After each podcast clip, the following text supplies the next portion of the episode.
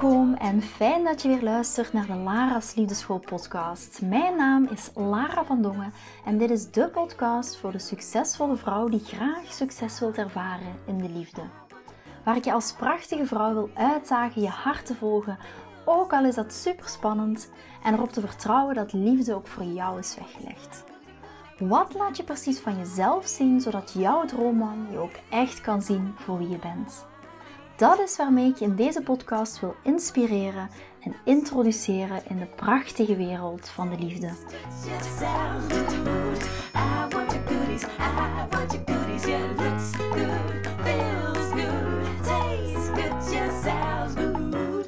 Durf je echt stappen nemen in je liefdesleven?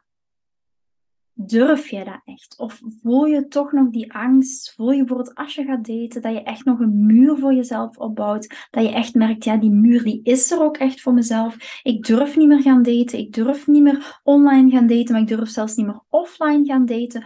Of je bent momenteel in een relatie met je man en je merkt van ik durf niet meer met hem communiceren, ik durf, durf dingen niet op tafel leggen, ik durf mijn seksualiteit niet meer gaan ontdekken, ik durf niet meer de liefde te beleven op eender of welk vlak. Of je nu aan het daten bent of in een relatie bent. Je merkt dat je een soort van weerstand voelt om echt die liefde te mogen en te gaan kunnen beleven. En dan is het, zeg ik altijd, durf jij echt wel nog de stappen nemen in de liefde? Of heb je jezelf daarvoor een stuk afgeschermd? Of voel je dat daar heel veel angst naar boven komt? En dat is iets wat heel vaak terugkomt, ook in berichten die ik van dames krijg, op allerhande manieren. Ik voel, Lara, ik voel een angst om ermee te beginnen. Ik voel een angst om naar mezelf te kijken, want ik ben bang dat de box van Pandora opentrek en dat er allerlei dingen gaan uitkomen. Ik voel dat er een enorme weerstand is, maar ik voel dat daar ook achter die weerstand ook een enorme angst zit om eraan te beginnen. En we noemen hier angst. Deze dames die spreken hier over angst en niet specifiek over een angststoornis. En daar zit wel een verschil in. Dat wil ik ehm, als achtergrond zeker nog eens benadrukken. Een angststoornis, en misschien herken je jezelf hierin, daarom dat ik het ook even ga benoemen. Wat is dat nu precies een angststoornis? Een angststoornis gaat heel vaak gepaard met paniekaanvallen, met lichamelijke klachten, zoals hartkloppingen, pijn of een beklemmend gevoel op je borst. Zweten, dat kan ademnood zijn, het gevoel hebben dat je stikt, duizeligheid, trillen, misselijkheid, dat kan zelfs diarree zijn, een doof gevoel of tinteling in armen en benen, een of een stukje hijgen, kort ademhalen, paniekaanvallen. En dat zijn allemaal dingen die niet vallen onder een angst of een weerstand, zal ik maar zeggen. Dus in dit geval, in deze aflevering, ga ik het echt hebben over angst. Durf jij je liefdesleven nog onder ogen zien? Durf jij de liefde nog echt gaan beleven op welk ander vlak? En daarom ga ik het vandaag echt met jullie hebben over angst. Want ik weet, heel veel dames die luisteren, die hebben momenteel een angst om misschien terug te gaan daten. Een angst om met een partner dingen te gaan ontdekken. Een angst om dingen bespreekbaar te maken. Welke angst dat dan ook kan zijn. Een angst om afgewezen te worden. Een angst om eraan te beginnen. Wat dat die angst ook kan zijn. En hoe simpel dat het ook klinkt, een angst gaat niet weg door het op de lange baan te schuiven. Een angst gaat niet weg door er niks mee te doen, door het te negeren, door de kop in het zand te steken. Daardoor gaat een angst niet weg. Een angst gaat niet weg door het op de lange baan te schuiven. En stel jezelf vooral de vraag: wat is het ergste wat er kan gebeuren? als je terug gaat daten? Wat is het ergste wat kan gebeuren als je dit bespreekbaar maakt met je man? Wat is het ergste dat kan gebeuren als je tegen je man zegt: Ik heb andere seksuele behoeftes? Kunnen we het daarover hebben? Wat als je opnieuw gaat daten en een online profiel maakt? Wat is het ergste wat er kan gebeuren? En dan voor jezelf, en dat klinkt zo simpel, dan echt de eerste stap zetten. Over jouw angst heen komen kan je enkel door dingen te doen. En ga die eerste stap nemen. En misschien een beetje wat achtergrond, de oorzaken van angst. Dat kan allerlei oorzaken hebben. Of ook angststoornis kan ook een aantal oorzaken hebben. En dat kan erfelijk zijn. Dat kan een overgevoelig zenuwstelsel zijn dat heel sterk kan reageren op prikkels van buitenaf.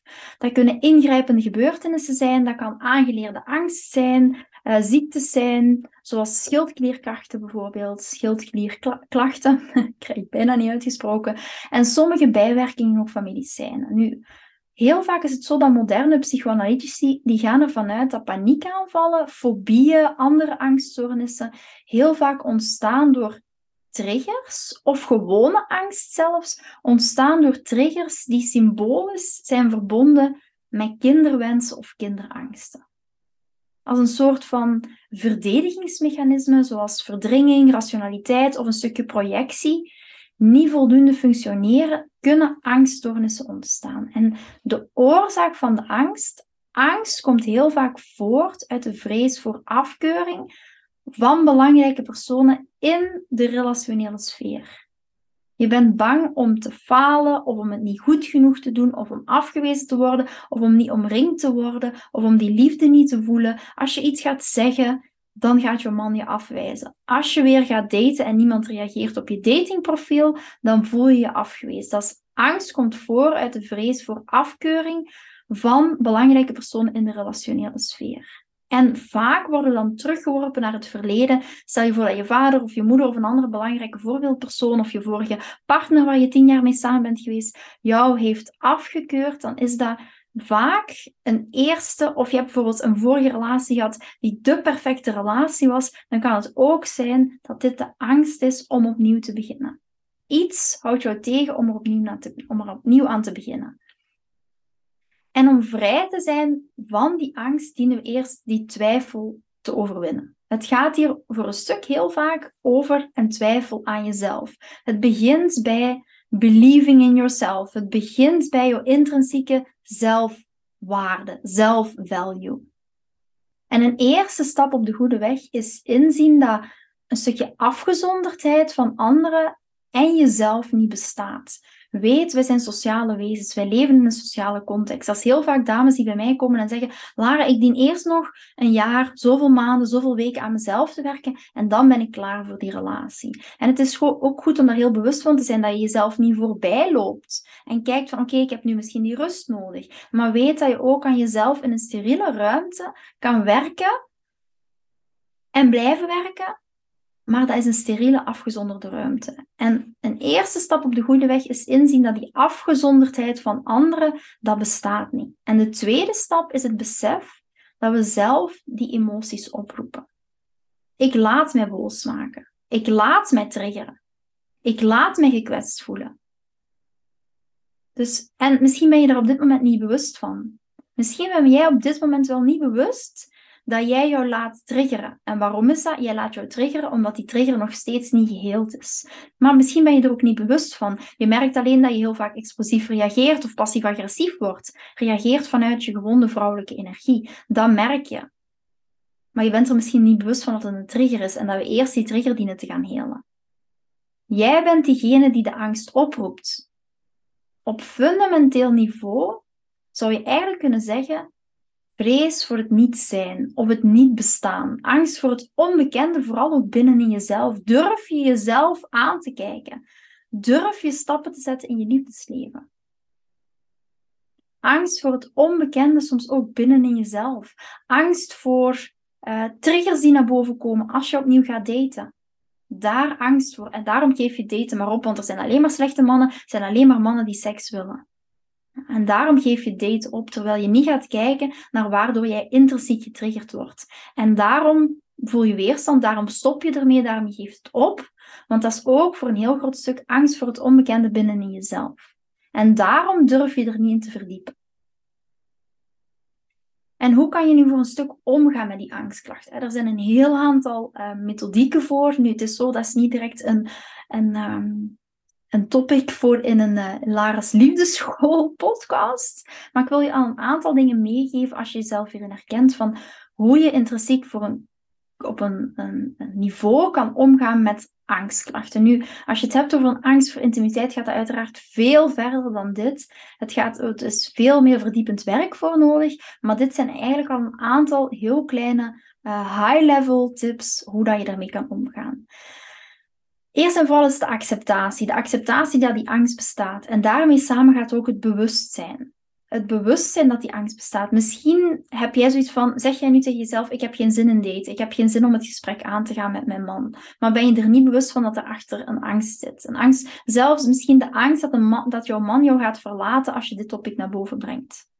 Dus de eerste is accepteer dat die angst er is en wees er bewust van.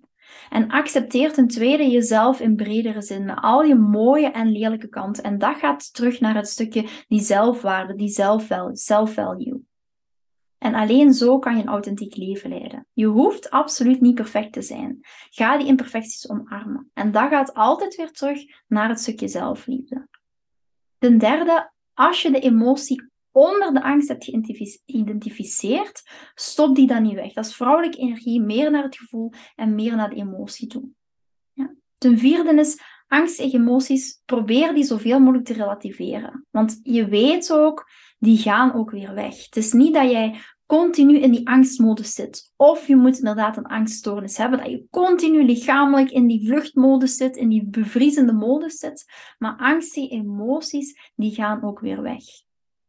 Ten vijfde is, besef dat angst ook inspirerend kan werken. En dat angst ook ervoor kan zorgen dat we geestelijk laten groeien. Als jij naar deze podcast luistert en misschien beseft van, hé hey, ja, ik laat mij ook leiden door die angst. Of misschien al bij deze podcast je realiseert van, ja, ik durf eigenlijk niet meer gaan daten. Of nee, ik heb een hekel aan daten. Als jij op dit moment zegt, ik heb een hekel aan daten, dan zit daar heel vaak iets achter een ervaring uit het verleden die angst heeft opgeroepen, die schaamte heeft opgeroepen, die andere emoties heeft opgeroepen, die boosheid, verdriet, droefheid, verwondering, allemaal basisemoties. Die die emoties heeft opgeroepen. En het besef dat angst inspirerend kan werken en dat dat kan zorgen voor geestelijke groei. Die angst die je nu voelt, die weerstand die je nu voelt, als jij heel bewust ervoor kiest om die te gaan ontdekken, om die te gaan onderzoeken voor jezelf, dan kan daar een heel grote groei uitkomen. En niet alleen groei voor jezelf, maar ook een groei in je relationele toekomst. Schaam je vooral, en dat zesde punt, schaam je vooral niet voor je angst. Praat erover. Praat ook over die schaamte die je voelt waarom het je niet lukt in je liefdesleven. Je bent misschien al de vierde keer getrouwd, of de vijfde keer, of de tweede keer. En je schaamt je daarover dat je nu de tweede keer of de derde keer tegen je familie moet gaan vertellen dat het ook weer niet werkt. Praat erover met mensen die je hierin vertrouwt. En besef ook dat angstige mensen heel vaak heel mooie eigenschappen hebben, zoals een scherp, eh, een scherp probleemoplossend vermogen, een goed geheugen, een open manier van denken. En ook een groot doorzettingsvermogen. Ja. Dus weet ook, jouw eerste stap nu is, om te doen is, na deze podcast, ga dat even opschrijven. Maar ik heb onlangs een gesprek gehad met iemand en dat was super interessant. En die persoon gaat zich hier zeker in herkennen als ze hier gaat naar luisteren. Ik weet ook dat ze mijn podcast luistert, maar uh, fantastisch dat, dat als, het, als ze hier naar luistert. Um, en we hadden het over in ons gesprek, en was eigenlijk een, een soort van liefdesgesprek, een ontdekkingsgesprek, want zij wilde heel graag uh, aansluiten als Inner Circle Love Queen. En toen zei ze, Lara, ik zie jou heel veel, of ik hoor jou heel veel praten over het stukje journalen. Ga journalen, ga dingen opschrijven, maar ik schrijf eigenlijk niet zo graag. En toen zei ik van, wat als je die dingen voor jezelf misschien niet gaat opschrijven, of je eh, noteert enkel bullet points voor jezelf, maar je gaat in plaats van daarvan die dingen inspreken inspreken wat je eigenlijk normaal gezien zou opschrijven. Ben jij misschien niet zo goed in schrijven, maar heb je zoiets van, oh ja, ik ben, ik ben meer van het praten? Ja, ga die dingen dan inspreken. Kan ook. Je hoeft daarom daar niet direct op te journalen, maar ga wel door inzichten, door over nadenken, door het in te spreken, door het op te schrijven, kijk wat voor jou werkt. Dus de eerste stap nu is, na deze podcastaflevering, is voor jezelf even op te schrijven of in te spreken wat jij, hoe dat jij het ook wilt gaan doen. Wat is jouw angst? Waarom voel je die weerstand om bijvoorbeeld met je partner in gesprek te gaan of om een, um, met je relatie verder te gaan of net niet verder te gaan? Waarom voel je een weerstand op daten? Waar komt die weerstand vandaan en zit daar een bepaalde angst achter? En je hebt hier een aantal handvaten gekregen vandaag in hoe je uiteindelijk met die angst kan opgaan. En soms, soms durven we ook niet naar onszelf te kijken. Durf je heel vaak niet te beginnen met het werk omdat je denkt dat je tot nu toe van alles fout hebt gedaan. En je wilt daar misschien niet mee geconfronteerd worden.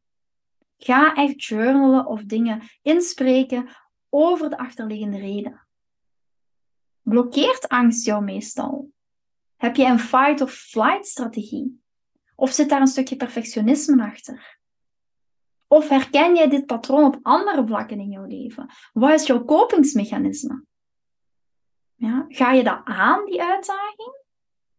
Ook al is het soms moeilijk, ook al is het soms een grote uitdaging, of ben je meer van struisvogelpolitiek? Of heb je bang om niet goed genoeg te zijn en durf je daarom niet naar jezelf kijken en wil je er daarom niet mee geconfronteerd worden?